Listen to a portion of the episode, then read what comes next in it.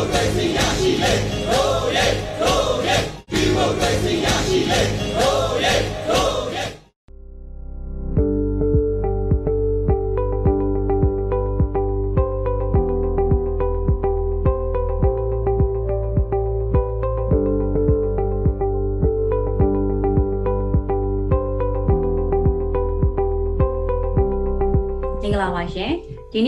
နေ့မှာတော့ Federal ပြည်ထောင်စုရေးရာဝန်ကြီးဌာနပြည်ထောင်စုဝန်ကြီးဒေါက်တာလျက်မိုးစာခေါင်းနဲ့တွေ့ဆုံမေးမြန်းခက်ကိုတင်ဆက်ပေးတော့မှာပါ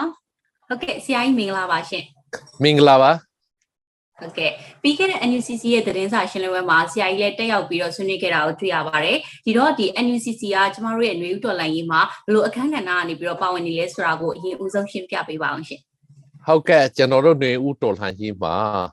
2020နိုဝင်ဘာလမှာကျင်းပတဲ့ရွေးကောက်ပွဲရနေပြီးတော့ပြည်သူလူထုတရားလုံးကတခဲနဲ့ရွေးကောက်တင်မြှုပ်ထားတဲ့ပြည်သူလွှတ်တော်ကိုယ်စားလှယ်များပေါ့နော်အဲ့ဒီပြည်သူလွှတ်တော်ကိုယ်စားလှယ်များရဲ့ mandate လောက်ပိုင်ခွင့်အာဏာဒါကိုအင်္ဂလိပ်လိုဒီ jury power လို့ခေါ်တယ်အဲ့ဒီ jury power နဲ့ကျွန်တော်တို့နေဦးတော်လှန်ကြီးမှာပါဝင်တဲ့လူထုလူတန်းစားဖွဲ့စည်းတီဖွဲ့စည်းအတီးတီးအာ CDM မှာလုပ်နေတဲ့ဝန်ထမ်းတွေ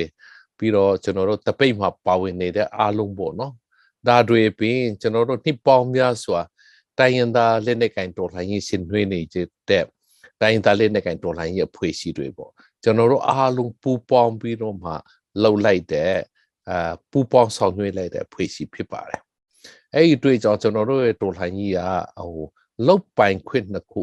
အာ mandate နှစ်ခုကိုချီခပ်ပြီးတော့ပေါင်းစပ်ထားတာဖြစ်ပါတယ်။အဲ့တော့ပေါင်းအဲ့ဒီ mandate နှစ်ခုကတော့စောစောကကျွန်တော်ပြောတဲ့ဒီ jury mandate နဲ့ပြီးတော့ကျွန်တော်တို့ EAO တို့ပြီးတော့ CBOCS တို့တို့ CDM မှာပါဝင်တဲ့လူတွေရဲ့ defective mandate ဒီ jury mandate နဲ့ defective mandate နှစ်ခုကိုပေါင်းပြီးတော့လုပ်တာဖြစ်ပါတယ်။ဆိုတော့ NUCC ကတော့ဒီနှစ်ခုကိုကျွန်တော်တို့တပြိုင်နက်တည်းပေါင်းဆက်ပြီးတော့အကောင့်ထေဖော်တဲ့နေရာဖြစ်ပါတယ်။ ထုတွေ့ကြောင့်အင်မတန်မှအရေးကြီးတယ်လို့ကျွန်တော်ပထမအနေနဲ့ပြောချင်ပါတယ်။နောက်ဒုတိယအနေနဲ့ကျွန်တော်တင်ပြချင်တာအခုကျွန်တော်တို့နေဦးတော်လှန်ရေးပြီးမှဆောင်ရွက်နေတဲ့မြင့်အောင်လှိုင်ရဲ့စီအာနာရှင်စနစ်ဖြုတ်ချရေးနဲ့အနာဂတ်ဖက်ဒရယ်ပြည်ထောင်စုထူထောင်ရေးလုပ်ငန်းအတွက်ကျွန်တော်တို့အလွန်အရေးကြီးတဲ့ရန်တရား၃ခုကိုကျွန်တော်တို့ဖန်တီးတယ်ဆိုတာပြည်သူလူထုကိုတင်ပြချင်ပါတယ်အဲ့ဒီရန်တရား၃ခုကတော့နံပါတ်1ကအလုံးသိတဲ့အတိုင်းပြည်ထောင်စုလွှတ်တော်ကုစားပြုတ်ကော်မတီပေါ့နော် CRPH ပါပါတယ် ပြီးလို့ရှိရင်ကျွန်တော်တို့ CRPH ကနေပြီးတော့အစုပြုတ်ပြီး NUCC ကဖွဲ့စည်းပေးလိုက်တဲ့အမျိုးသားညီညွတ်ရေးဆိုတာ NUG ဆိုတာဖြစ်ပါတယ်ပြီးတော့ခုလိုကျွန်တော်တို့အနေနဲ့ stakeholder အားလုံးကျွန်တော်တို့တိုင်းပြည်မှာဒီရည်တော်ပုံကြီးတွေပါဝင်နေကြတဲ့အစုဖွဲ့အားလုံးပါဝင်တဲ့အအမျိုးသားညီညွတ်ရေးအတိုင်းပင်ခံခေါ်စီအဲ NUCC ဆိုတာ ဖြစ်ပါတယ်ဆိုတော့အဲ့ဒီ NUCC ကခုကျွန်တော်တို့ရဲ့အင်အားတွေစုစည်းထားတဲ့နေရာဖြစ်တဲ့အတွက်ကျွန်တော်တို့ပြည်ထောင်စုသမိုင်းမှာတခါမှမပေါ်ဘူးတဲ့ကျွန်တော်တို့အင်အားစုကြီးဖြစ်ပါတယ်ထို့အတွက်ကြောင့် NUCC ကအင်မတန်မှအရေးကြီးတယ်လို့ကျွန်တော်ပထမအနေနဲ့တင်အဲဒုတိယအနေနဲ့ကျွန်တော်တင်ပြချင်ပါတယ်လို့ဆိုတော့တတိယအနေနဲ့ကျွန်တော်ဆက်ပြီးတော့ NUCC နဲ့ပတ်သက်ပြီးတော့တင်ပြချင်တာကအခုကျွန်တော်တို့ NUG မှာလုပ်တဲ့လုပ်ငန်းတော်တော်များများဟာ အစိုးရတရက်အနေနဲ့အဆောင်ရွက်တာဖြစ်တယ်။သို့တော့အဲ့ဒီအစိုးရကပြည်သူလူထုရဲ့ဆန္ဒကိုလိုက်လျောမယ်။ပြည်သူလူထုရဲ့လူလားချက်ကိုကျွန်တော်တို့အကောင့်ထေဖို့မယ်။ဒီနေ့တိုင်းပြည်ရဲ့လူအချက်အရေးတော်ပုံရဲ့လူအချက်ကိုပူးပေါင်းဆောင်ရွက်မယ်ဆိုရင် NUG အစိုးရကအကောင့်ထေဖို့ဆောင်ရွက်မဲ့လုပ်ငန်းမှန်သမျှဟာ policy အရဒီပြည်သူလူထုတရားလုံးနဲ့အရင်တိုင်ပင်ဆွေးနွေးထားဖို့လိုပါတယ် အဲ့လိုအရင်တိုင်ပင်ဆွေးနွေးဖို့အတွက်ကျွန်တော်တို့ NUG စုကကောင်ထေဖော်ရမယ် policy အားလုံးကိုကျွန်တော်တို့ NUCC မှာအရင်တိုင်ပင်ဆွေးနွေးပြီးတော့မှညှိနှိုင်းမှုတွေဆောင်ရွက်မှာဖြစ်ပါတယ်မဟာဗျူဟာတွေတူတူကဆွေးနွေးကြမှာဖြစ်ပါတယ် policy ကိုတူတူကချက်မှတ်ကြမှာဖြစ်ပါတယ်အဲ့ဒီခါကြလို့ရှိရင်ကျွန်တော်တို့ NUG စုရကဆောင်ရွက်မဲ့လုပ်ငန်းမှန်သမျှပြည်သူလူထုရဲ့လူအင်ဆန္ဒကို NUCC မှာပေါ်ထုတ်ပြီးတော့လူအင်အဲ့ဒီပြည်သူလူထုရဲ့လူလားချက်အတိုင်းအလုံးလုံးတော့စုအဖြစ်အောင်ကျွန်တော်တို့စူးစမ်းသွားမှာဖြစ်ပါတယ်။ထို့အတွက်ကြောင့်ဒါဟာ NUCC ဟာလူထုရဲ့ဆန္ဒကိုပေါ်ထုတ်တဲ့နေရာလူထုရဲ့အနာဂတ်မျိုးလုံးတောင်းတချက်တွေကိုကျွန်တော်တို့ပေါ်ထုတ်တဲ့နေရာဖြစ်တဲ့အတွက်အင်မတန်မှအရေးကြီးတာဖြစ်တယ်။အထူးသဖြင့်အာ Federal ပြည်ထောင်စုထူထောင်ရေးလုပ်ငန်းနဲ့အနာဂတ် Federal ပြည်ထောင်စုဖွဲ့စည်းပုံချီခံဥပဒေရည်ရွယ်ရေးလုပ်ငန်းတွေမှာ အင်မတန်မှအားထားရမယ်အင်မတန်မှအားကိုးရမယ်ကျွန်တော်တို့အင်အားစုကြည်ဖြစ်တယ်ဆိုတာလေးကိုကျွန်တော်တင်ပြချင်ပါတယ်ဟုတ်ကဲ့ကျေးဇူးတင်ပါတယ်ဟုတ်ကဲ့ပါရှင်ပြီးတော့ဒီ NUCC မှာလည်းတိုင်းသားလက်နက်ကိုင်ရှစ်ဖွဲ့နဲ့ဒီ PDF တွေလည်းပါဝင်နေတာဆိုတော့ဒီမကြခင်မှာစစ်ရေးကိုအရှိန်မြင့်တာမျိုးညှော်လင့်ရညှော်လင့်လို့ရမလားရှင်ဟုတ်ဟုတ်ကဲ့စီကြီးကတော့ကျွန်တော်တို့အနေနဲ့အမှန်စင်စစ်ကဒီຫນွေဥတော်လှန်ရေးမှာ ကျွန်တော်တို့ပြည်သူလူထုတရားလုံးကငင်းချမ်းစွာနဲ့လမ်းမပေါ်ထွက်ပြီးတော့ဆန္ဒပြခဲ့တာဖြစ်ပါတယ်။တိုးတော့ဒီလူငင်းချမ်းစွာဆန္ဒပြလို့မရအောင်ကျွန်တော်တို့ဆန္ဒတွေဖော်ထုတ်လို့မရအောင်စစ်ကောင်စီမင်းအွန်လိုင်းနဲ့စစ်ကောင်စီကတောင်းကြမ်းပြီးတော့ဖမ်းဆီးတယ်ပြီးတော့ပစ်တက်တယ်ပြီးတော့လူထုရဲ့ဥယျာဉ်ကိုဖျက်ဆီးတယ်။ထုတွေကြောင့်မလွေးတာမဆောင်တာလို့ကိုကိုကိုခုခံကာကွယ်ဖို့အတွက် လူထုတရားလုံးက PDF တွေလောက်တာဖြစ်တယ်။သူနည်းလကောတိုင်းတလဲနဲ့ကြိုက်တော်လှန်ရေးဖွဲ့စည်းကြီးများဟာလည်းပဲနှစ်ပေါင်း90အတွင်းလဲနဲ့ကြိုက်တော်လှန်ရေးရှင်နှွေးတယ်ဆိုတာကိုကိုကိုကာကွယ်ဖို့တွေပဲဖြစ်ပါတယ်။ဆိုတော့ကျွန်တော်တို့အနေနဲ့ကိုကိုကိုကာကွယ်ဖို့မိအွန်လိုင်းနဲ့သူရှိတက်ကတောင်းကျပ်နေတဲ့ချိန်မှာဒါဘာခေါ်မလဲကိုကိုကိုမကာကွယ်လို့မရတဲ့အနေထားကြောင့်စတင်ပြီးတော့လောက်တာဖြစ်တယ်။တို့တော့ကျွန်တော်တို့တိုင်းပြည်မှာဒီလူစစ်အာဏာရှင်စနစ်မျိုးကိုမမြင်ချင်တော့ဘူး။ မီဒီအာနာစင်စနစ်မျိုးကိုမှလည်းကျွန်တော်တို့အနေနဲ့မမြင်ချင်တော့ဘူးကျွန်တော်တို့ကလူအခွင့်အရေးကိုလိုလားတယ်လွတ်လပ်မှုကိုတန်ဖိုးထားတယ်ဒီမိုကရေစီခွင့်အရေးကိုလိုလားတယ်ဖက်ဒရယ်စနစ်ကိုထူထောင်ခြင်းတယ်အဲ့ဒီလိုကျွန်တော်တို့အလုပ်လုပ်ဖို့အတွက်ဆိုလို့ရှိရင်မြေအွန်လိုင်းရဲ့ဆီအာနာစင်စနစ်ဖြုတ်ချရေးအတွက်မလွဲမဆောင်တာဒီစစ်စင်ကြီးကိုလည်းလုပ်ရမှာဖြစ်ပါတယ်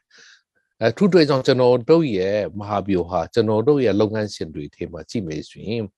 လမ်းမပေါ်ချီတဲ့စန္ဒပြတာလေကျွန်တော်တို့ဆက်ပြီးတော့လုပ်ရမယ် ဒါဟာမြင့် online ကိုကျွန်တော်တို့အန်တုတဲ့နီလန်တစ်ခုဖြစ်တယ်။ထိုနည်း၎င်းဝန်ထမ်းအားလုံးကလည်း CDM ဆက်လုပ်ရမယ်။အဲ့ဒါမြင့် online ရဲ့အုပ်ချုပ်ရေးရန်တရားအားလုံးကိုကျွန်တော်ရိုက်ချူးတဲ့နေရာဖြစ်တယ်။ထိုနည်း၎င်းမြင့် online ကစစ်တပ်ကိုကင်ပြီးတော့သူ့ရဲ့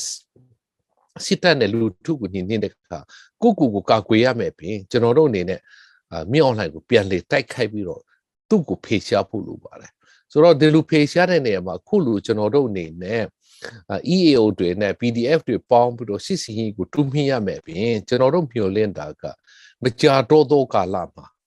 မင်း online လက်အောက်မှာမလွဲမဆောင်တာလို့အာတာဝန်ထမ်းဆောင်နေကြတဲ့စစ်တပ်တွေကလည်းကျွန်တော်တို့ဖက်ပူးပေါင်းလာမယ်လို့ကျွန်တော်တို့မျှော်လင့်ပါတယ်အဲ့ဒါကြောင့်ကျွန်တော်တို့ NUG ဆိုရနေပြီးတော့ပြည်သူရင်ခွင်စီမံကိန်းကိုအကြီးကျယ်ဆောင်ရွက်နေတာဖြစ်ပါတယ်ဆိုတော့ကျွန်တော်အမြင်မှာတော့ခုချိန်မှာတမ ဟိုစစ်တပ်ဆိုတော့အမိန့်ကိုမလွန်ဆန်နိုင်လို့သာမြင့်အောင်လှိုင်လက်ထဲမှာခုတာဝန်ထမ်းဆောင်နေကြပေမဲ့အချိန်တန်လာလို့ရှိရင်မြင့်အောင်လှိုင်လက်အောက်မှာတာဝန်ထမ်းဆောင်နေတဲ့စစ်တပ်အလုံးကအလုံးရင်းအလိုက်ကျွန်တော်တို့ဖက်ပူပေါင်းပြီးတော့ဒီမှာဘူချုပ်ကြီးတွေပြီးတော့တရင်မှုတွေအတိုင်းမှုတွေအားလုံးကျွန်တော်တို့စီပူပေါင်းပြီးတော့မြင့်အောင်လှိုင်ကိုပြန်လေတိုက်ခိုက်တဲ့နေရာမှာပူပေါင်းကြလိမ့်မယ်အဲ့လိုတိုက်ခိုက်တဲ့နေရာမှာခုနဆရာမမေးတဲ့ ကျွန်တော်တို့ EAO နဲ့ PDF တွေတာမကပေးနဲ့လက်ရှိမင်း online လက်အောက်မှာတာဝန်ထမ်းဆောင်နေတော့စစ်တပ်နဲ့ plate တွေပါကျွန်တော်တို့နဲ့ပူးပေါင်းပြီးတော့စစ်စီစီရေးစင်ကိုဖြစ်တင်ပြီးတော့မင်း online ကိုဖြိုချက်တဲ့တိုက်ပွဲတွေမကြခင်ဆင်နွှဲကြလိမ့်မယ်လို့ကျွန်တော်မျှော်လင့်ပါတယ် ဟုတ်ကဲ့ပါရှင်ဟိုအခုလိုဒီ NUCC ကပထမအဆုံးသတင်းစာရှင်းလင်းပွဲလုပ်လိုက်တာကြောင့်ဒီဒီပေါင်းစည်းမှုအင်အားကိုတွေ့ပြီးတော့ပြည်သူတွေအားတက်ခဲ့ကြသလိုပဲဒီတစ်ဖက်မှာလည်းစစ်ကောင်စီဘက်ကနေပြီးတော့ဒီပြည်ပအတန်တမန်တချို့ခေါ်ပြီးနိုင်ငံတကာနဲ့သူတို့အဆက်အသွယ်ရှိနေတဲ့အောင်လုပ်နေတယ်လို့ တုံးတက်ကြတာရှိရပေါ့နော်အဲ့တော့ဒီမကြသေးခင်ကဒီအချမ်းဘတ်စစ်ကောင်းဆောင်နဲ့လာပြီးတွေ့သွားတဲ့ဂျပန်နိုင်ငံဒီဂျပန် Nippon Foundation ဥက္ကဋ္ဌ Mr. Sasakawa ရဲ့ခီးစဉ်နဲ့ပတ်သက်ပြီးတော့ဆရာနည်းနည်းလေးရှင်းပြပေးပါအောင်။ तू ကဘယ်လိုလူမျိုးလဲဟိုဘာလာလောက်တာလဲကျမတို့ဒီပြည်သူတွေအတွက်ဘယ်လိုအကျိုးရှိမလဲရှင်ဟုတ်ဟုတ်ကဲ့ဟိုအဲ့ဒီဆာဆာကာဝါခရီးစဉ်အကြောင်းကိုမပြောခင်နိုင်ငံတကာခင်းကျင်းလေးတစ်ခုကိုကျွန်တော်ဂျူပြီးတော့ပြောချင်ပါတယ် အဲ့ဒါတော့ဗာလဲဆိုတော့မင်းအောင်လှိုင်ကအာနာတိမ့်ပြီးတဲ့နောက်ပိုင်းကိုကူလာကြပြီအဲ့ဒီကူလာတာအတွင်းမှာသူ့အနေနဲ့အာနာတိမ့်တဲ့အာစစ်အာနာတိမ့်တဲ့တမိုင်းတစ်စုံလုံးကိုတစ်ကဘာလုံးမှာလိုက်ကြည့်မိဆိုရင်စစ်အာနာတိမ့်တဲ့လူတွေက၃လအတွင်းမှာသူတို့စစ်အာဏာသိမ်းပြီးတဲ့နောက်ပိုင်းသူတို့အင်အောက်ကိုအခိုင်အမာတိဆောက်ရတာဖြစ်ပါတယ်အာ သူတို့အင်အားကိုခိုင်မာတိဆောက်ပြီးတော့တိုင်းပြည်ကိုထိန်းချုပ်နိုင်တယ်ဆိုတာပြသနိုင်ဖို့လိုတယ်အာနာသိမ့်ပြီးတဲ့တော့တိုင်းပြည်ကိုထိန်းချုပ်နိုင်တယ်ဆိုတာပြသဖို့လိုတယ်မင်းအွန်လိုင်းကကို3လမကဘူး9လကြာပြီအဲ့ဒါကြောင့်ကျွန်တော်တို့စာပိုင်းတော့တကြံမတိုင်ခင်မှာကျွန်တော်တို့အာ CDM လှုပ်ရှားမှုတွေတပိတ်လှုပ်ရှားမှုတွေအရှင်ရပ်တန့်သွားမလား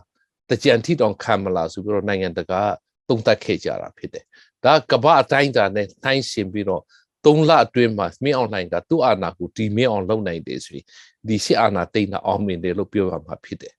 ဒါပေမဲ့အခုတကြံမကဘူးအခုခရစ်စမတ်ပဲရောက်တော့မယ်နော်အဲတနည်းနည်းပါရှိလာပြီမင်းအွန်လိုင်းကသူ့အာဏာလုံးဝမထိန်နိုင်သေးဘူးဆိုတာသိချတယ်ဒါမအောင်မြင်မှုပဲနောက်နောက်ထပ်3လအတွင်းမှာသူတို့တိုင်းပြည်ကိုအဲဘာခေါ်မလဲ stable ဖြစ်အောင်ပေါ့လေပထမအဆင့်ကတော့သူတို့ consolidation လုပ်ခေါ်တယ်သူတို့အာဏာကိုတည်မြဲအောင်လုပ်တယ် ဒုတိယအဆင့်မှာတိုင်းပြည်ကိုဟိုတည်ငြိမ်အောင်လုပ်တယ်မင်း online ကတည်ငြိမ်အောင်မပြောနဲ့ကိုတတိုင်းပြည်လုံးမှာကျွန်တော်တို့တခါမှမကြဘူးသေးတဲ့ရန်ကုန်လူမန္တလေးလူမြို့ကြီးတွေမှာတိုက်ပွဲတွေနဲ့ရှင်နေမြတ်ဖြစ်တယ်ကျွန်တော်တို့ချင်းပြည်နယ်လူကြားပြည်နယ်လူနေရာပေါင်းမျိုးစွာပြီးတော့ sky တိုင်းမကွေးတိုင်းတနိုင်ငံလုံးမှာကျွန်တော်တို့တိုက်ပွဲတန်တွေကြားနေရတယ်ဒါမြောင်းလိုက်မထိနိုင်တာပဲသူ့ဝန်ထမ်းတွေလည်းမထိနိုင်ဘူးဒါကမအောင်မြင်တာပဲနောက် နောက်ထပ်3လအတွင်းမှာသူတို့ရဲ့ policy ကိုချမှတ်ပြီးတော့ကောင်ထေဖို့ရမယ်ဆိုတဲ့ဟာအဲ့ဒီစစ်အာဏာသိမ်းလူလူတွေရဲ့ဟို theory လူဖြစ်နေတဲ့ကိစ္စပါပဲဟိုသူကမြေ online ကသူ့ policy ကိုချမှတ်ဖို့နေနေတာသာသူ့အာဏာကိုတော့မတိဆုံးနိုင်သေးဘူးအဲ့ဒါကြောင့်လုံးဝမအောင်မြင်တဲ့အာဏာသိမ်းမှုဖြစ်တယ်လုံးဝမအောင်မြင်တဲ့အာဏာသိမ်းမှုဖြစ်တဲ့အတွက်ဘေးနိုင်ငံကမှမြေ online ကိုမထုတ်ခံပါဘူးဘေးနိုင်ငံမှကမ္ဘာနိုင်ငံမှာဘေးနိုင်ငံကမှမထုတ်ခံပါဘူး ဟိုတုန်းကသူအာနာသိန်းခေါင်းဆောင်တွေအမေရိကန်အာကူတဲ့အာဆီယံတော်မှသူ့ကိုရှိဝေးမဖိတ်ပါဘူးသူ့ကိုအဲဆောင်ကျင်ထားပါတယ်ဖေးရှားထားပါတယ်ဆိုတော့အဲ့ဒီအချိန်မှာမင်း online ကရရဟိုဘာခေါ်မလဲလူထွေအမီဝေးဝအောင်ခုလိုဟိုဘာခေါ်မလဲအစိုးရကူစလေမဟုတ်တဲ့တတိပုကလကပုကူအာမစ္စတာကာကာဝါမစ္စတာဆာဆာကာဝါလူ နိပွန်ဖောင်ဒေးရှင်းဥက္ကဋ္ဌတွေကိုဖိတ်ခေါ်ပြီးတော့ပြည်တွင်းကိုလာခိုင်းနေတာဖြစ်ပါတယ်ဆိုတော့မစ္စတာဆာဆာကာဝါအကြောင်းကိုကြည့်မယ်ဆိုရင်တော့ဆာဆာကာဝါနိပွန်ဖောင်ဒေးရှင်းဆိုတာတကယ်ကြီးမားတဲ့ foundation ကြီးတစ်ခုဖြစ်ပါတယ်ဒုတိယကဘာစီအပြီးမှာစပြီးတော့လုပ်တယ်လို့ကျွန်တော်တို့သိရပါတယ်အဲ့ဒီ foundation ကိုစလုပ်တာတော့ရန်ပုံငွေကိုဘေးကနေအစပြီးတော့ဖန်တီးတော့ကဘေးကနေလုပ်ခဲ့တယ်လေဆိုတော့ဂျပန်နိုင်ငံမှာရှိနေတဲ့ long ကစားအားလုံး long ကစားသေးကရတဲ့ငွေသေးကိုအခွင့်ကုတ်ပါတယ်ဆိုတာကအဲ့ဒီအခွင့်ကုတ်တဲ့ long ကစားအခွင့်ကုတ်တဲ့ငွေသေးကရာခိုင်နှုန်းတချို့ကိုနိပွန်ဖောင်ဒေးရှင်းကိုပေးပြီးတော့နိပွန်ဖောင်ဒေးရှင်းကကမ္ဘာနိုင်ငံတည်တည်မှာခုလူလူသားချင်းစာနာထုတ်ထားတဲ့အလုပ်တွေလုပ်တယ်လို့ကျွန်တော်တို့ကြားရပါတယ်ဒါတော့သူတို့ရဲ့သမိုင်းဆိုတော့ long ကစားငွေနဲ့အာနိုင်ငံတကာမှာအာလူသားချင်းစာနာထုတ်ထားတဲ့အလုပ်ကိုလုပ်တယ်လို့ကျွန်တော်တို့သိရတယ် အာအဲ့တလူနဲ့မစ္စတာဆာဆာကာဝါသူ့တမိုင်းကိုကြည့်မေဆိုရင်မြန်မာနိုင်ငံကိုလည်းသူလာခဲ့တာကြာပြီဟိုတုန်းကဟိုဘာခေါ်မလဲဟို leprosy ဟိုမြန်မာလူဘာပြောလဲကျွန်တော်တို့ဟိုဟိုဟိုယောဂတ်ခုပေါ့လေ leprosy အာဗမာလူဘာခေါ်လဲမေ့သွားတယ်ကွာဟိုနူတဲ့ယောဂဟုတ်တယ်ဟုတ်တယ်ဟုတ်တယ်ဟုတ်တယ် ဟုတ်တယ်အဲအဲအဲ့ဒီယောဂတွေပါဒီတွေ leprosy တို့ဘာတို့တွေသူကအကူငီတွေပေးခဲ့တယ်လူသားချင်းစာနာထုတ်ထားမှုတွေသူလုပ်ခဲ့တယ်အဲ့ဒီတွေတော့ကျွန်တော်တို့အနေနဲ့အာလူသားချင်းစာနာထုတ်ထားတဲ့စိတ်ရှိတဲ့လူတိုင်းကတော့သူ့ကိုလေးစားကြမယ်ဂုဏ်ပြုကြမယ်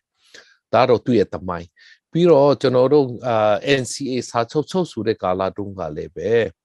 तू ကဟိုဆွေးနွေးပွဲတစ်လျှောက်လုံးမှာ तू က observer ဖြစ်နေနေခဲ့တယ် ပြီးတော့ကျွန်တော်တို့ NCA စာချုပ်ချုပ်ဆိုပြီးတော့ NCA စာချုပ်ချုပ်တဲ့ EAO တွေကိုလည်းသူတို့ကအကူအညီတွေပေးခဲ့တာရှိပါတယ်ဆိုတော့ကျွန်တော်တို့ရှင်မျိုးတတ်တဥနေနေလည်းပဲအဲ့ဒီကာလတုန်းကအာနိပွန်ဖောင်ဒေးရှင်းကပေးတဲ့ဆန်တချို့ကျွန်တော်တို့ရဘူးတယ်အာကြီးမားတဲ့ထုတ်ထုတ်ကူတော့ကျွန်တော်တို့တော့မရပါဘူးဒါပေမဲ့အနေချင်းတော့ကျွန်တော်တို့လည်းခန်းစားခဲ့မှုပါတယ်အထုတွေ့ကြောင့်အခုနှုတ်ပိုင်းမှာတော့သူပါဆက်လုပ်ဖို့ပြင်ဆင်တယ်လေကျွန်တော်တို့မသိဘူး အာဒါပေမဲ့ဆာဆာကာဝါလာပြီးတဲ့နှုတ်ပိုင်းမှာဟိုဂျပန်နိုင်ငံခြားဝင်ကြီးဌာနကဆာဆာကာဝါဒီဂျပန်အစိုးရကိုကူစာပြုခြင်းမဟုတ်ဂျပန်လူထုတရက်လုံးကိုစာပြုခြင်းမဟုတ်ဆိုတဲ့ဟာသူတို့ထုတ်ပြန်ကြေညာပြီးသားဖြစ်ပါတယ်ထို့အတွက်ကြောင့်မစ္စတာဆာဆာကာဝဗမာပြည်ကိုလာတယ်ဆိုတာဂျပန်နိုင်ငံကိုကူစားမပြောဘူးသူ့အနေနဲ့နိုင်ငံရေးအော်နာလို့ဩဇာအာဏာလုံးဝရှိတဲ့လူမဟုတ်တဲ့အတွက်ပြည်သူလူထုအနေနဲ့ဒါကို ဇဝေဇဝမဖြစ်ဖို့ကျွန်တော်ကတော့မေတ္တာရက်ခံချင်ပါတယ်သို့တော်မစ္စတာဆာဆာကာဝအကြီးတော်ပုံကိုအများကြီးအနှုတ်ဆက်ပေးနိုင်တယ်အဲ့ဒါကိုတော့တတိထားရမယ်ဘာဖြစ်လို့လဲဆိုတော့ဘလူနှုတ်ဆက်ပေးနိုင်တယ်လဲဆိုတော့အခုချိန်မှာ तू ကလာပြီးတော့ NCA စာချုပ်ချုပ်ဆိုတဲ့တိုင်းရင်းသားလေးနဲ့ကင်တော်နိုင်ရဲ့ဖွဲ့စည်းတွေကို तू ဘလူစီးယုံတယ်လဲဆိုတော့မင်းတို့ PDF နဲ့မပေါင်းနဲ့နော်ပြည်သူ့ကွာကွေးတက်နဲ့မပေါင်းနဲ့ဒီချိန်မှာမင်း online ကိုမတိုက်နဲ့ ငင်းချိုင်းရေလောက်ငါပိုက်ဆံပေးမယ်ဆိုပြီးတော့သူအစီရင်တယ်ဒါဟာကျွန်တော်တို့မြန်မာပြည်ထောင်စုမြန်မာနိုင်ငံတခွန်းလုံးမှာရှိတဲ့ပြည်သူလူထုတရားရေးလုံးရဲ့လူလားချက်ဒီမိုကရေစီလူလားချက်ဖက်ဒရယ်လူလားချက်ကိုသူကအုပ်ပိခပြုတ်တာဖြစ်တယ်ကျွန်တော်တို့လွတ်လပ်မှုကိုသူတန်ဖိုးမထားတာဖြစ်တယ်စစ်အာဏာရှင်စနစ်ဒီမေးကြီးအတွက်သူအထောက်ပံ့ပြုတ်တာဖြစ်တယ်ဒီအချိန်မှာကျွန်တော်တို့အနေနဲ့နိုင်ငံရေးဆွေးနွေးပွဲလုပ်ရမယ်ကာလမဟုတ်ဘူး NCA စာချုပ်ဆိုတာလေ2010ဖွဲ့စည်းပုံချီခံဥပဒေပြင်ဆင်ရေးကိုလောက်တဲ့စာချုပ်ဖြစ်တဲ့အတွက်ဒီချိန်မှာ2010ဖွဲ့စည်းပုံချီခံဥပဒေကိုလူထုတရားလုံးကအာငင်းပေခဲ့ပြီးပြီ CRPH ကလည်းဖျက်သိမ်းတဲ့ကြောင်းကြီးညာပြီးပြီအဲ့ဒီအတွက်ဆို NCA စာချုပ်အရ2010ဖွဲ့စည်းပုံချီခံဥပဒေကိုပြင်ဆင်ရမယ်ဆိုတဲ့လမ်းကြောင်းကဒီချိန်မှာမရှိတော့ဘူးအကောင့်ထေဖော်လို့မရတဲ့စာချုပ်ဖြစ်နေပြီ NCA စာချုပ်ဆိုတာ အဲ့ဒီအတွက်ကြောင့်ဒါကိုတေပြီးသားစာချုပ်ကိုကင်ပြီးတော့မင်းတို့ငွေငွေပေးမယ်ဟို PDF နဲ့မပေါင်းနဲ့စစ်တပ်နဲ့စကားပြောငင်းချမ်းရေးစကားပြောလို့လာပြောနေတဲ့ဟာမဖြစ်တဲ့မဖြစ်ထိုက်တဲ့အလုပ်တစ်ခုကိုမဖြစ်တဲ့မဖြစ်ထိုက်တဲ့ကာလမှာသူလာပြောတာဖြစ်တဲ့အတွက်သူမှားတယ်လို့ကျွန်တော်ယူယူသားသားပဲတင်ပြချင်တယ်သူမလုပ်တင်ဘူးလို့ကျွန်တော်မြင်ပါတယ်နောက်ဒုတိယအနေနဲ့ကသူကရခိုင်ပြည်နယ်ကိုလည်းသွားတယ် ရခိုင်ပြည်နယ်ကိုသွားပြီးတော့အေအေနဲ့လည်းတွေ့ဆုံတယ်လို့ကျွန်တော်တို့ကြားတယ်ဘာတွေဆွေးနွေးတယ်လဲကျွန်တော်တို့သိစိတ်မသိဘူးတိုးတော့သူတဲ့တွေ့ဆုံဆွေးနွေးပြီးတဲ့နောက်ပိုင်းမှာရခိုင်မှာတိုက်ပွဲတွေဟိုဘာခေါ်မလဲဟိုဟိုဟိုတော်လေးငြိမ်သွားတယ်ငြိမ်သွားတာတော့ကောင်းပါတယ်တိုးတော့ဘာဖြစ်လဲဆိုတော့မင်းအွန်လိုင်းရဲ့စစ်တပ်ကရခိုင်ပြည်နယ်မှာအမှုထမ်းနေတဲ့စစ်တပ်တမဟိုဘာခေါ်မလဲ သူတို့တမ99နဲ့တမ44တမ99နဲ့တမ44ကိုရခိုင်ပြည်နယ်ကပြန်ထုတ်ပြီးတော့အခုတောင်ငူနဲ့ပြည်ကြားအဲ့ဒီဒေတာတွေမှာလာပြီးတော့ဘာခေါ်မလဲစစ်စင်ကြီးတွေလာတုံးချက်တယ်ဆိုတော့ကျွန်တော်တို့တွေ့ရပါတယ်ဆိုတော့ဒါကရှင်းရှင်းပြောရင်အဲဆာဆာကာဝါက तू က humanitarian နဲ့တွေ့လို့ပါတယ်ငင်းချမ်းရေးတွေ့လို့ပါတယ်ဆိုတာမဟုတ်တော့ဘူးမင်း online စစ်စင်ကြီးကို तू ကကူညီတယ်လို့ဖြစ်နေပြီ ရခိုင်ပြည်နယ်မှာရှိနေတဲ့စစ်တပ်တွေကိုအာမြန်မာပြည်လေပိုင်းကိုပူပြီးတော့ဒါမင်း online ရဲ့တောင်းကျမ်းတဲ့စစ်လူထုရဲ့ဘဝကိုဖျက်ဆီးတဲ့စစ်လူထုလူလာချက်ကိုဖျက်ဆီးတဲ့တောင်းကျမ်းတဲ့စစ်အာဏာရှင်ကိုအထောက်ကူပြုတဲ့အလုပ်လုပ်နေတာကိုကျွန်တော်တို့တွေ့ရပါတယ်အဲ့ဒါလုံးဝမဖြစ်တဲ့ကိစ္စဖြစ်တယ်ကျွန်တော်တို့နိုင်ငံကျွန်တော်တို့ပြည်တွင်းကိုလာဝင်ဆုပ်လာပြီးတော့ဝင်ဝင်ရောက်ဆွတ်ဖက်တာဖြစ်တယ် ဆွတ်ဖက်တဲ့ပုံစံကလည်းတာမန်နိုင်ငံကြီးစီးပွားရေးကဏ္ဍမှာမဟုတ်ဘူးစီကြီးမှာလာပြီးတော့ဝင်ဆွတ်ဖက်တယ်လို့ဖြစ်နေတယ်အဲ့ဒီတွေ့ကြောင့်မစ္စတာကဆာဆာကာဝါကိုတော့ကျွန်တော်အနေနဲ့ကတော့ပင်းထန်ဆိုသူ့ရဲ့ခရီးစဉ်ကိုအာဆောက်ချပါတယ်ကန့်ကွက်ပါတယ်လို့ပြောချင်ပါတယ်ဟုတ်ကဲ့ပါရှင်ဒီနောက်တစ်ယောက်ကတော့ American က Barry Richardson ပေါ့ဆရာ ဟိုသူဆိုလို့ရှိရင်လည်းဒါအချမ်းဘတ်စစ်ကောင်းဆောင်နဲ့တွေ့တွေ့တယ်တွေ့ခဲ့တယ်သူခီးစဉ်အပြီးမှဆိုလို့ရှိရင်လည်းဒီ American ကဒီ channel လေး Danny Foster ကိုပြန်လွှတ်ပေးတဲ့ဖြစ်စဉ်လည်းဖြစ်ခဲ့တယ်ပြီးတော့ဒီဖြစ်စဉ်ကိုကြည့်ကြအပြင်ဒီ American နဲ့စစ်စစ်ကောင်စီနဲ့ကအကောင်းမွန်တဲ့ဆက်ဆံရေးရှိပြီလို့ဆိုနိုင်မလားဆရာလုံးဝမဆိုနိုင်ဘူး Bill Richardson ကအခုချိန်မှာသူဟိုတုန်းကတော့သူက congressman ပေါ့နော်သူကဒီချိန်မှာပြည်သူ့လွှတ်တော်ကိုယ်စားလှယ်လည်းမဟုတ်တော့ဘူး congressman လည်းမဟုတ်တော့ဘူး ပြီးတော့ဟိုတုန်းကတော့သူကအဲဘာခေါ်မလဲအဲ Bill Clinton ခက်တုန်းကသူကဝင်ကြီးဖြစ်ပူးတယ်ဝင်ကြီးလည်းမဟုတ်တော့ဆိုတော့သူ့အနေနဲ့ဒါတာမန်အဲ Richardson Foundation ဆိုတာတော့ရှိတာပေါ့လေဒါဒါတော့ဒါ private foundation ပဲဆိုတော့ဒီချိန်မှာ Bill Richardson ဆိုတဲ့ပုဂ္ဂိုလ်ကတာမန်အမေရိကန်နိုင်ငံသားတရုတ်ပဲဖြစ်ပါတယ်စီးပွားရေးရှိရင်ရှိမယ်အရင်တုန်းကနိုင်ငံကြီးမှာဝန်ကြီးတို့ဘာတို့ဖြစ်ဘူးတယ်ကွန်ဂရက်စ်မန်တို့ဘာတို့ဖြစ်ဘူးတယ်ဒါပဲရှိတယ် သူကအမေရိကန်နိုင်ငံကိုလုံးဝကူစားမပြုတ်ဘူးအမေရိကန်ဆိုရကိုလည်းလုံးဝကူစားမပြုတ်ဘူးဘာမှကူစားမပြုတ်ဘူးသူလာတယ်သတင်းထုတ်တရုတ်ကိုကူညီပြီးတော့သူလွတ်အောင်လုပ်တယ်ဆိုတော့ journalist တယောက်ကိုအာလူမျိုးရေးတွေကူညီပေးတယ်ဆိုတာတော့ကောင်းတဲ့လုပ်ပါဒါတော့လုပ်ပါဒါပေမဲ့ तू လုပ်ရက်ကြောင့်ဟိုကျွန်တော်တို့ဟိုဘာခေါ်မလဲစီအာနာရှင်မိအောင်လှိုင်ကိုအထောက်အကူဖြစ်စေတယ်အပန့်ပူဖြစ်စေတယ်ဆိုတဲ့သူ့ရဲ့လောက်ရက်မျိုးက လုံးဝမလောက်တဲ့မလောက်ထိုက်တဲ့ကိစ္စဖြစ်တယ်ပြီးတော့ Bill Richardson ဆိုတဲ့ပုဂ္ဂိုလ်ကဘာလဲဆိုတော့ရခင်တုန်းကတော့ဆန်းစုကြည်ခေတ်တုန်းကလှုပ်ထားတဲ့ရခိုင်အရေးနဲ့ပတ်သက်ပြီးတော့နိုင်ငံတကာပညာရှင်တွေနိုင်ငံတကာဟိုဟိုဟိုအာလူကြီးလူကောင်းတွေပေါ့နော်ဒါတွေကိုဒေါအောင်ဆန်းစုကြည်ကဖိတ်ခေါ်ပြီးတော့အဖွဲ့တစ်ဖွဲ့ဖွဲ့ဘူးတယ်အဲ့ဒီမှာ Bill Richardson နေပါခဲ့တယ်ဒါပေမဲ့ तू က ကျွန်တော်တို့တိုင်းပြည်ရဲ့ပြည်တွင်းရေးကိုဆွတ်ဖက်ပြီးတော့ဒေါအောင်ဆန်းစုကြည်ကအကူအညီတောင်းပြီးတော့ခိုင်းတဲ့အလုပ်မလုပ်ပေးနဲ့တခြားနိုင်ငံကျွန်တော်တို့အစိုးရ policy တွေကိုဝင်ရွှတ်ဆွတ်ဖက်တဲ့အတွက်ဒေါအောင်ဆန်းစုကြည်ကသူ့ကိုသူ့ရဲ့ committee ကထုတ်ပေးခဲ့တဲ့ပုံကူဖြစ်တယ်ဆိုတော့ကိုလေလူထုကမမေ့သင့်ဘူးသူလောက်ရတွေဖန်ကန်ခဲ့တယ်ကျွန်တော်တို့တိုင်းပြည်ပေါ်မှာစေတနာရှိခဲ့တယ်လူထုအကျိုးကိုရှိစုတယ်ဆိုရင်ဒေါအောင်ဆန်းစုကြည်ကသူ့ကိုထုတ်ပေးเสียအကြောင်းမရှိဘူး အဲ့ဒီကတည်းက तू ကစစ်တပ်ဖိတ်ကိုမျက်ဆောင်ထူပြီးတော့စစ်တပ်နဲ့ချိတ်ဆက်ခြင်းတဲ့လုပ်ငန်းများကူကျူးစီးပွားများရှိနေသလားဆိုတာကျွန်တော်တို့အနေနဲ့တန်တရားစီစရာဖြစ်လာပါတယ်အခုသူ့လောက်ရက်နဲ့ရခင်ကလောက်ရက်ကိုပေါင်းဆက်ပြီးတော့ကြည့်မယ်ဆိုရင်ဘီလီချာဆန်ဆူတဲ့ပုဂ္ဂိုလ်ကဘာလဲပဲလဲကျွန်တော်တို့မိခွန်းတွေအများကြီးမေးရတော့မယ်ဆိုတော့အဲ့ဒီတွေ့ကြောင့်ဘီလီချာဆန်ဆူတာလာတဲ့ကိစ္စနဲ့ပတ်သက်လို့ကတော့ဇဝီယောမဖြစ်တင်ဘူးသူအမေရိကပြန်သွားပြီးတဲ့နောက်ပိုင်းမှာလည်းပဲသူကိုယ်တိုင်ပဲ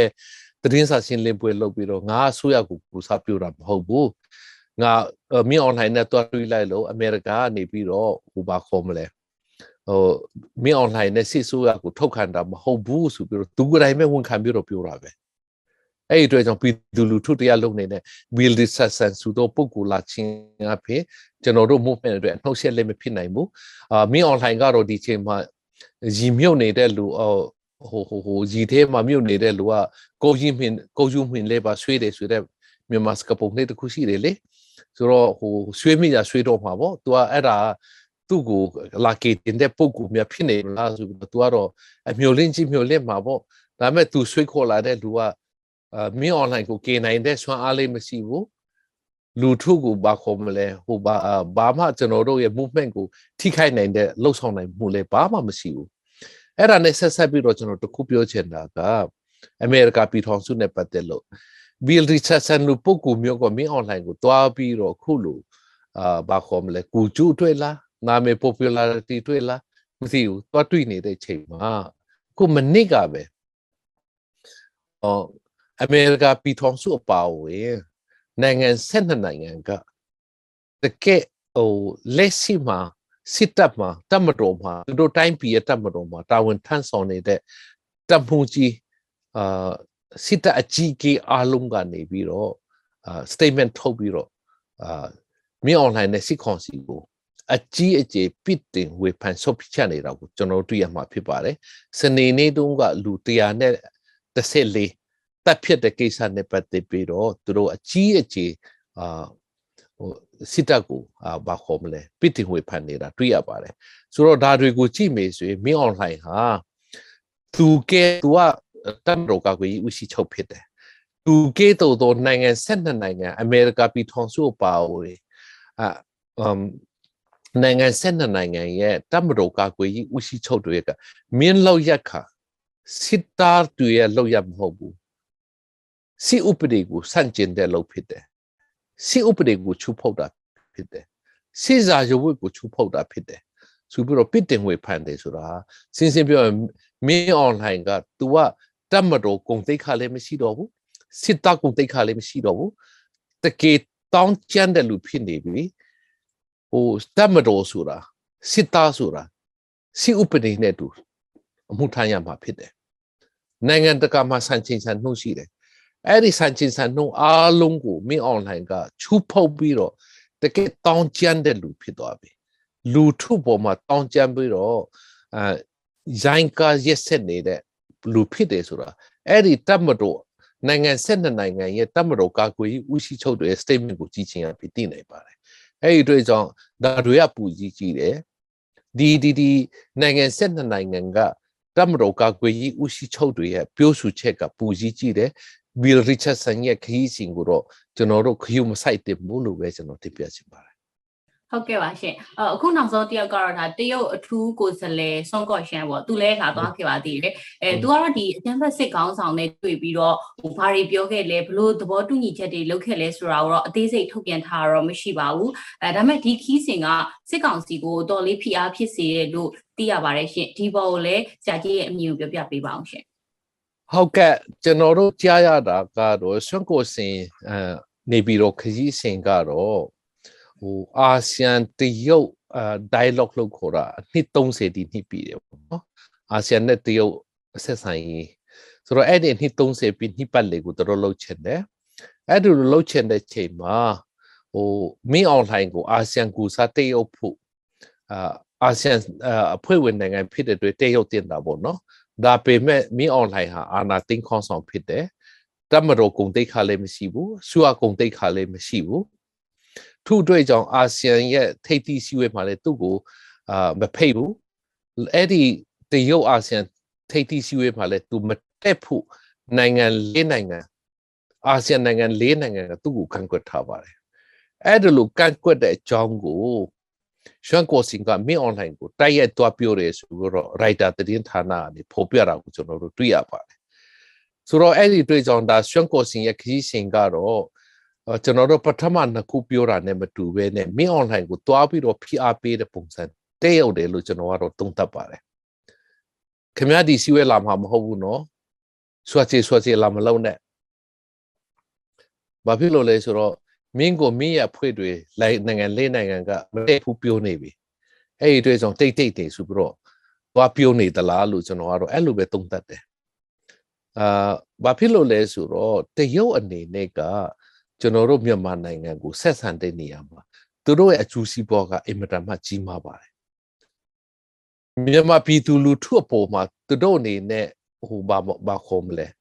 အာမတော်မရလို့လို့မရဘူး မြန်မာပြည်သူလူထုတရားလုံးကိုသူတို့နဲ့တရုတ်အနေနဲ့တလေးတစားဆက်ဆံဖို့လိုတယ်အဲ့လိုတလေးတစားမဆက်ဆံဘဲနဲ့မြန်မာလူထုပေါ်မှာတရုတ်ကသူတို့ဟိုထင်ဆိုင်ကျလုပ်မေဆိုရင်ရီစီမှာသူတို့အကျူးစီးပွားကိုအကြီးအကျယ်ထိခိုက်နိုင်တယ်ဆိုတာတရုတ်ကသိတယ်။ဘာဖြစ်လို့လဲဆိုတော့တရုတ်ကယနေ့အချိန်မှာကမ္ဘာမှာစူပါပါဝါဖြစ်ဖို့ကြိုးစားနေတဲ့တိုင်းပြည်ဖြစ်တယ်။ အမေရိကကိုနောင်250အတွင်းမှာကြော်မယ်ဆိုပြီးတော့လေသူတို့ကြွေးကြော်ကြွေးကြော်ထားတယ်။ဆိုတော့အဲ့လိုကြွေးကြော်နေတဲ့ချိန်မှာအမေရိကကိုကြော်ပြီးတော့ကပ္ပရဲ့ထိတ်ဆုံးခေါင်းဆောင်ထိတ်တန်းနိုင်ငံဖြစ်ဖို့အတွက်တရုတ်ရဲ့လူအချက်ကတစ်ခုရှိတယ်။အဲ့ဒီလူအချက်ဆိုတာကပ္ပစူပါပါဝါကပ္ပထိတ်တန်းနိုင်ငံဖြစ်ဖို့အတွက်အဓိကလူအချက်ကစွမ်းအင်ဖြစ်တယ်။ရည်နံဖြစ်တယ်။ ဆိုတော့တရုတ်အနေနဲ့ဒီရည်နံကတရုတ်နိုင်ငံကအလုံးလုံးမရနိုင်။ဆိုတော့ရည်နံဆိုတာအစီအလေပိုင်းမှာထွက်တာဖြစ်တယ်အဲ့ဒီအစီအလေပိုင်းမှာထွက်တဲ့ဂျီနန်ဘာနဲ့တည်လာတာလဲသူတို့ကအဲ့ဒီဟိုဟာဟိုဘာခေါ်မလဲပင်လေကနေတည်ပြီးတော့အာအိန္ဒိယသမုဒ္ဒရာကြီးကိုဖျက်လာတယ်အဲ့ဒီသူအိန္ဒိယသမုဒ္ဒရာကြီးကနေပြီးတော့မေလကာကြီးလက်ကျကိုဖျက်တယ်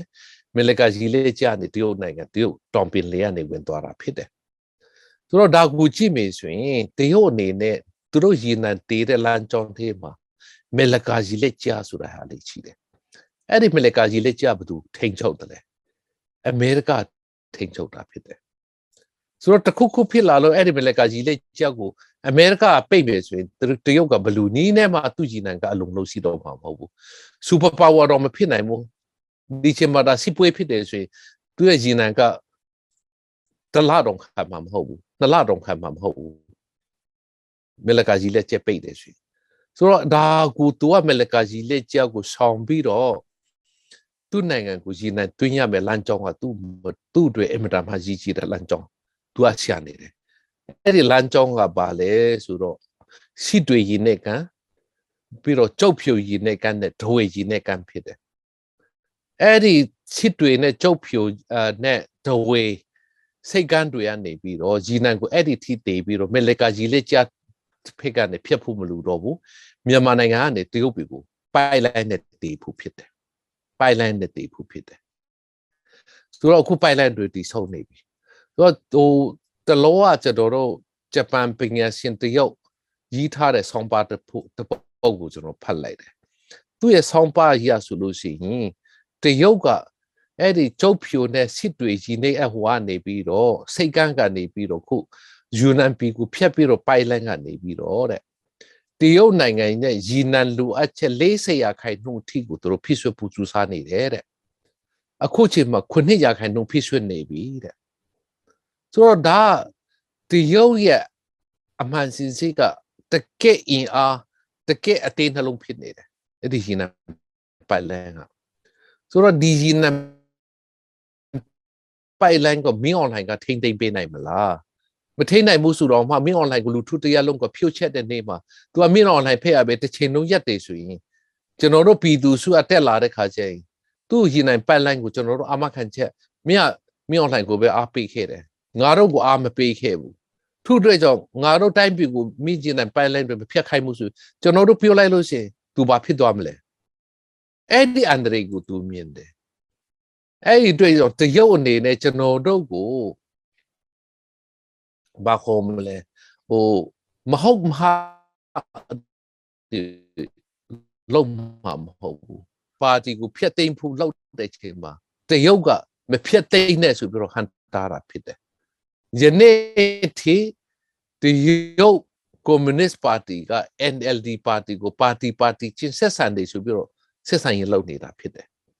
ဆိုတော့ဒီအကွက်ကိုတရုတ်ကမြင်နေတယ်မင်းအွန်လိုင်းကမမြင်ဘူးအဲ့ဒီအတွက်ကြောင့်တရုတ်အနေနဲ့ကဟိုမင်းအွန်လိုင်းလိုအာနာသိမ့်ပြီးတော့လူထုကလက်မခံတဲ့အာမကြခင်မှပြုတ်တော့မဲ့ရည်ရှိလက်မခံတော့တဲ့အာမနေ့ပြန်တပည့်ခါကြက်ဆုံးမဲ့စစ်ခေါင်းဆောင်ကိုသွားအားပေးမလားမပေးပါဘူးလူထုကိုပဲအားပေးမှဖြစ်တယ် အဲ့ဒီအတွက်ကြောင့်ရှမ်းကိုစင်ရဲ့ခကြီးစင်ကတော့စင်စင်ပြောရင်မင်းအွန်လိုင်းမင်းကငါတို့ကတော့မထုတ်ခံတော့ဘူးနော်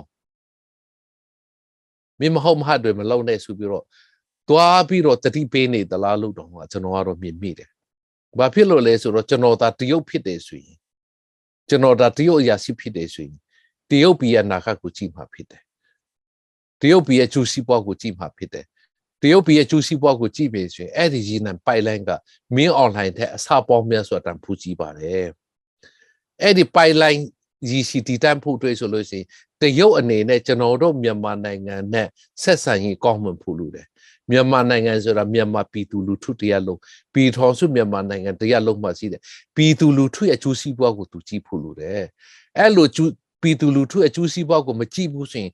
ငါတို့ပြည်သူလူထုတရားလုံးကမင်းရဲ့ ပိုင်လန်ကိုငါတို့မကြည့်ပေးတော့ဘူးမဆောင်ဆုပ်ပေးဘူးဆိုရင် तू ဘာလုပ်မှာလဲဘာမှမလုပ်နိုင်ပါဘူးအဲ့ဒီတွေ့ကြောင့်တရုတ်ရဲ့ယနေ့အချိန်မှာသူ့ရဲ့ဟိုထွက်အဲသူ့ရဲ့သူစူပါပါဝါဖြစ်ဖို့အတွက်အကြီးအကြီးဆုံးအသေးနှလုံးလိုပေါ့ဗျာခန္ဓာကိုယ်တစ်ခုအသက်ရှင်ဖို့အတွက်အကြီးကြီးဆုံးအသေးနှလုံးလိုပေါ့ဗျာအဲ့လိုအကြီးကြီးနေတဲ့ရီနန်ပိုက်လိုင်းကသူ့အတွက်ပူစီကြီးတယ် သူ့အတွက်ပူစီကြီးတယ်မင်းအွန်လိုင်းတဲ့ပူစီကြီးတယ်ဒါကမင်းအွန်လိုင်းထိမ့်ပေးနိုင်မလားဘယ်လို့ထိကိုသူဆောင်းဆုပ်ပေးနိုင်မလဲမင်းအွန်လိုင်းမဆောင်းဆုပ်နိုင်ပါဘူးသူကိုယ်တိုင်ပဲကြတော့မယ်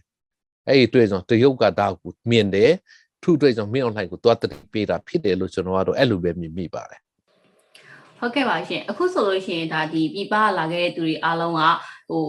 ဒီအစစ်ခေါင်းဆောင်နဲ့ပဲစစ်ခေါင်းဆောင်ရဲ့ပြီးရင်သူတွေးစီခြင်းတဲ့သူတွေနဲ့ပဲတွေ့ပြီးတော့ဒီနိုင်ငံတော် သမရဦးဝင်းမြင့်ပြည်နိုင်ငံတော်အတိုင်းအငံပုဂ္ဂိုလ်ဒေါအောင်ဆန်းစုကြည်ပြီးအန်ယူချီနဲ့ CRPH ကတာဝန်ရှိသူတွေဘယ်သူနဲ့မှတွေ့ခွင့်မရသွားတာကိုတွေ့ရတယ်ပေါ့နော်အခုဆရာကြီးရှင်းပြရတဲ့ဟာကိုကြည်ကြားဖြင့်လဲဒီစစ်အကြမ်းဖက်စစ်ကောင်စီကနိုင်ငံတကာမှာညနေပန်းမလား ဖြစ်နေတဲ့အလို့ user လို့ရပါတယ်အဲဒါပေမဲ့လည်းတစ်ဖက်မှာဒီကျမတို့ရဲ့ຫນွေဥတော်လှန်ရေးအောင်မြင်ဖို့ဆိုလို့ရှိရင်ဒီနိုင်ငံတကာကိုသိအားမပူဘဲနဲ့ကိုကိုယ်တိုင်အားထုတ်မှရမယ်ဆိုပြီးတော့ဒီစင်ကာပူနိုင်ငံညာရေးဝန်ကြီးကလည်း interview တစ်ခုမှာပြောသွားတာကိုတွေ့ရပါတယ်ရှင်အဲ့တော့ဒီဘောကိုလည်းဆရာရဲ့အမြင်ကိုသိချင်ပါတယ်ဟုတ်ဟုတ်ကဲ့အဲ့ဒီစင်ကာပူနိုင်ငံချဲဝင်ကြီးကကျွန်တော်တို့ຫນွေဥတော်လှန်ရေးပြီးပြီးချင်းတော်တော်လေးကျွန်တော်တို့ဖက်ကအားပေးစကားပြောပြီးတော့စစ်ကောင်စီကို ပြစ်တင်တဲ့ခေါင်းဆောင်တူဖြစ်တဲ့အတွက်သူ့ကိုကျွန်တော်လေးစားတယ်ဆိုတာလေးကိုလည်းထည့်ပြီးတော့ပြောချင်ပါတယ်အဓိကတော့သူပြောတာမှန်တယ်ကျွန်တော်တို့တခြားတိုင်းပြည်ကိုတော့အကူလို့မရဘူးကျွန်တော်တို့ရည်တော်ပုံဖြစ်ဖြစ်ချင်းကျွန်တော် R2P တော့ဘာတော့អော်တယ်နိုင်ငံတကာလာကူညီပါပါမလာဘူးနိုင်ငံတကာကိုကျွန်တော်တို့အကူတာတဲ့ကုကုကိုအကူတာကောင်းဆုံးပဲသူတို့နိုင်ငံတကာဟိုဘာခေါ်မလဲငင်းချင်းစစ်တပ်တွေလာမယ် ဟိုပြပနေပြီးတော့စစ်တပ်နဲ့လာမယ်ဆိုတာမျိုးထက်ကျွန်တော်တို့က PDF ကိုပဲပူအကူတင်တယ်ကျွန်တော်တို့က EAO တွေကိုပဲပူအကူတင်တယ်နိုင်ငံတကာကိုသွားမပြောနဲ့ကိုအကူကူလုပ်လို့ရတယ်ကိုအကူကူပြီးတော့မြင့် online ကိုကျွန်တော်တို့ဖြုတ်ချလို့ရတယ်ကျွန်တော်တို့လူချင်းနေတော့ Federal Democracy ပြည်ထောင်စုကျွန်တော်တို့ကိုယ်တိုင်ထူထောင်လို့ရတယ်နိုင်ငံခြားအကူဖို့မလိုဘူးဆိုတော့ပထမအနေနဲ့ပြောချင်တယ်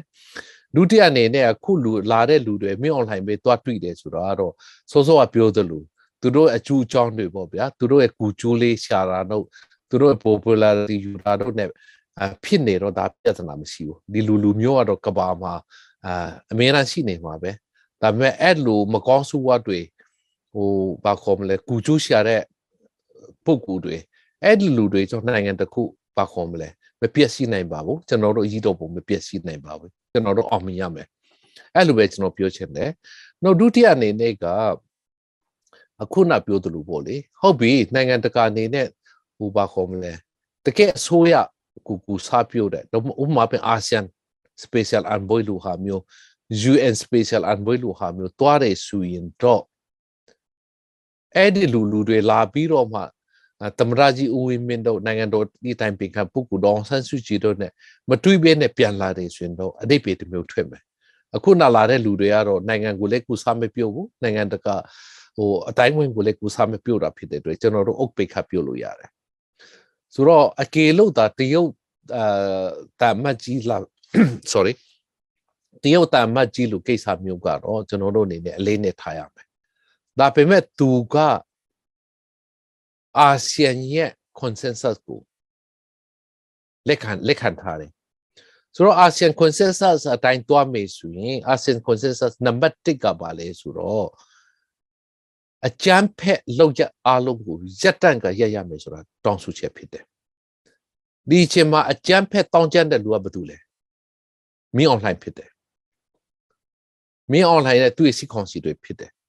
ဆိုတော့ ASEAN consensus တိုင်းတွားမယ်ဆိုရင်ကျွန်တော်တို့လက်ခံတယ်နံပါတ်1အကြမ်းဖက်တောင်းကြမှုအလုံးရက်တန့်ရမယ်တွေးထွက်တန်ညွမှုအလုံးရက်တန့်ရမယ်ဘသူကရက်ရမလဲမင်း online ကရက်ရမှာဘာဖြစ်လို့လဲအပိမဲ့ပြည်သူတွေကို လိုက်ဖမ်းတာလိုက်တတ်တာအပြစ်မဲ့ပြည်သူတွေရဲ့ဥအိမ်ကိုမိစုဖျက်ဆီးတာထန်တလန်ကိုမိစုတာပဲကြည့်အဲ့ဓာတွေလုံနေတာဘာလို့လဲမင်း online မင်း online ကငါဓာတွေမလုံတော့ပါဘူးဆိုတာပြည်သူလူထုကိုဝင်ချက်တောင်းပန်ပြီးတော့အာငါဓာတွေကိုမလုံတော့ပါဘူးဆိုဝင်ချက်တောင်းပန်ပြီးတော့ရက်တန့်ကရက်မယ်ဆိုရင်ဒီနိုင်ငံတကာတွေလာလို့ရတယ်ဆိုမင်း online နေနဲ့ဒါပထမဆုံးနေနဲ့လုပ်တင်တယ် ပြီးတော့ ASEAN consensus နံပါတ်2ကဒီလူဟာမျိုးတွားမယ်ဆိုရင်ဟိုဟိုဟိုဘာခေါ်မလဲ ASEAN special envoy တော့ဘာလို့တွားမယ်ဆိုရင်နော်ဖက်ပေါင်းစုံကခေါင်းဆောင်တွေကိုတွေ့ရမယ်ဆိုပြီးတော့သူတို့ပြောပါတယ် all parties concerned ပေါ့ဆိုတော့ဒေါအောင်ဆန်းစုကြည်ကိုလည်းတွေ့ရမယ်သမရကြီးကိုလည်းတွေ့ရမယ်အဲ့ဒါကြောင့်ပဲ UN special envoy ကအခုထိမတွားနိုင်တာ ဘာဖြစ်လို့လဲမြောက်နိုင်လာပါလာပါလို့သူ့ကိုဖိတ်တာကြာပြီဒါပေမဲ့ तू ကပြောတယ်ငါလာလို့ရှိရင်မင်းတရုတ်ထိပ်ကိုငါမတွေ့ဘူးသမရကြီးဦးမင်းကိုလည်းတွေ့မယ်ဒေါန်ဆန်းစုကြည်ကိုလည်းတွေ့ပြီဆိုပြီးတော့ပြောလိုက်တဲ့ခါကျတော့သူတို့ကပေးမလာဘူးဆိုတော့မြောက်လှရဲ့ရက်တီချက်ကပါတယ်မတရားဘူးလေမမှန်ကန်ဘူးလေအာဆီယံ consensus ကိုသူမလိုက်ဘူးလေ ဆိုတော့အဲ့ဒီတွေ့ကြောင်းအာဆီယံ consensus ငါးချက်ကိုလေကျွန်တော်တို့ကြည့်မယ်ဆိုရင်ဒါတွေအားလုံးကြည့်ပြီဆိုရင်ဒါဒါဒါဒါပထမဆုံး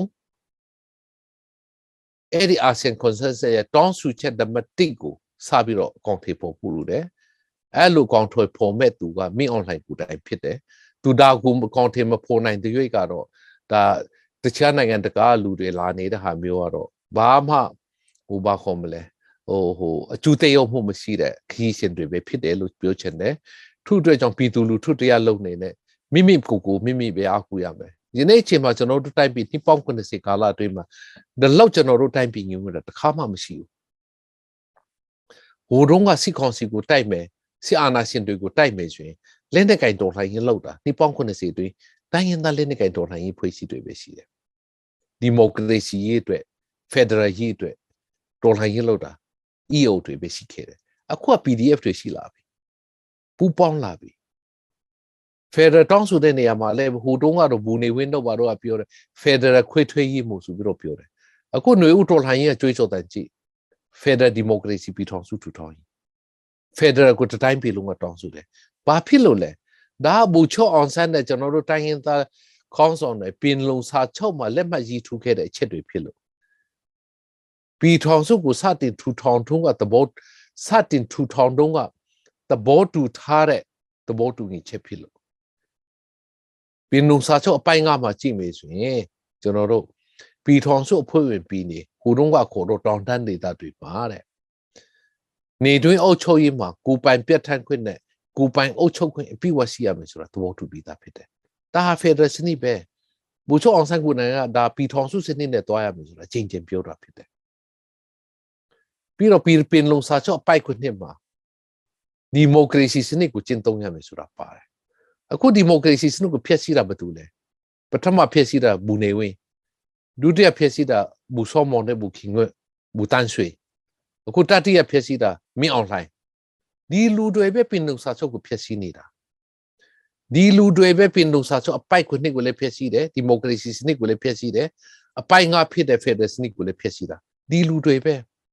အခုပြည်သူလူထုတရားလုံးကဒီစစ်တပ်ကအမျိုးမျိုးခြေလှေပြီးတော့လူထုကို အမြင်မှားအောင်လုပ်နေတာမဟုတ်တော့ဘူးဆိုပြီးတော့လူထုအမြင်မှန်လာပြီလူထုတရားလုံးငင်ွတ်လာပြီထုအတွက်ကြောင့်တွေဥတော်လှိုင်းကြီးအကျွေးကြော်တန်ကိုကျွန်တော်တို့မကြခင်ကောင်းထေပေါ်နိုင်ရမယ်ဒါကပါလေ Federal Democracy ပြည်ထောင်စုထူထောင်ရေးဖြစ်တယ်အဲ့ဒီအတွက်ကြောင့်ကျွန်တော်တို့တခြားတိုင်းပြည်ကိုအကူဖို့မလိုဘူးကိုယ့်ကိုယ်ကိုအကူရမယ် ကျွန်တော်တို့ရဲ့ငင်ွေးကြီးအင်အားဟာအကောင်းဆုံးအခိုင်အမာဆုံးဂုံတိတ်ခါစီဆုံးအောင်မြင်ရလမ်းကြောင်းဖြစ်တယ်ဆိုပြီးတော့ကျွန်တော်ပြောချင်ပါတယ်ဟုတ်ကဲ့ပါဆရာကြီးရှင်အခုလိုမျိုးအချိန်ပေးပြီးတော့ဖြေကြားပေးတဲ့အတွက်ကျေးဇူးအများကြီးတင်ပါတယ်ရှင်ဟုတ်ကဲ့ကျေးဇူးတင်ပါတယ်ရေတော်ဘုံအောင်ရမည်ရေတော်ဘုံအောင်ရမည်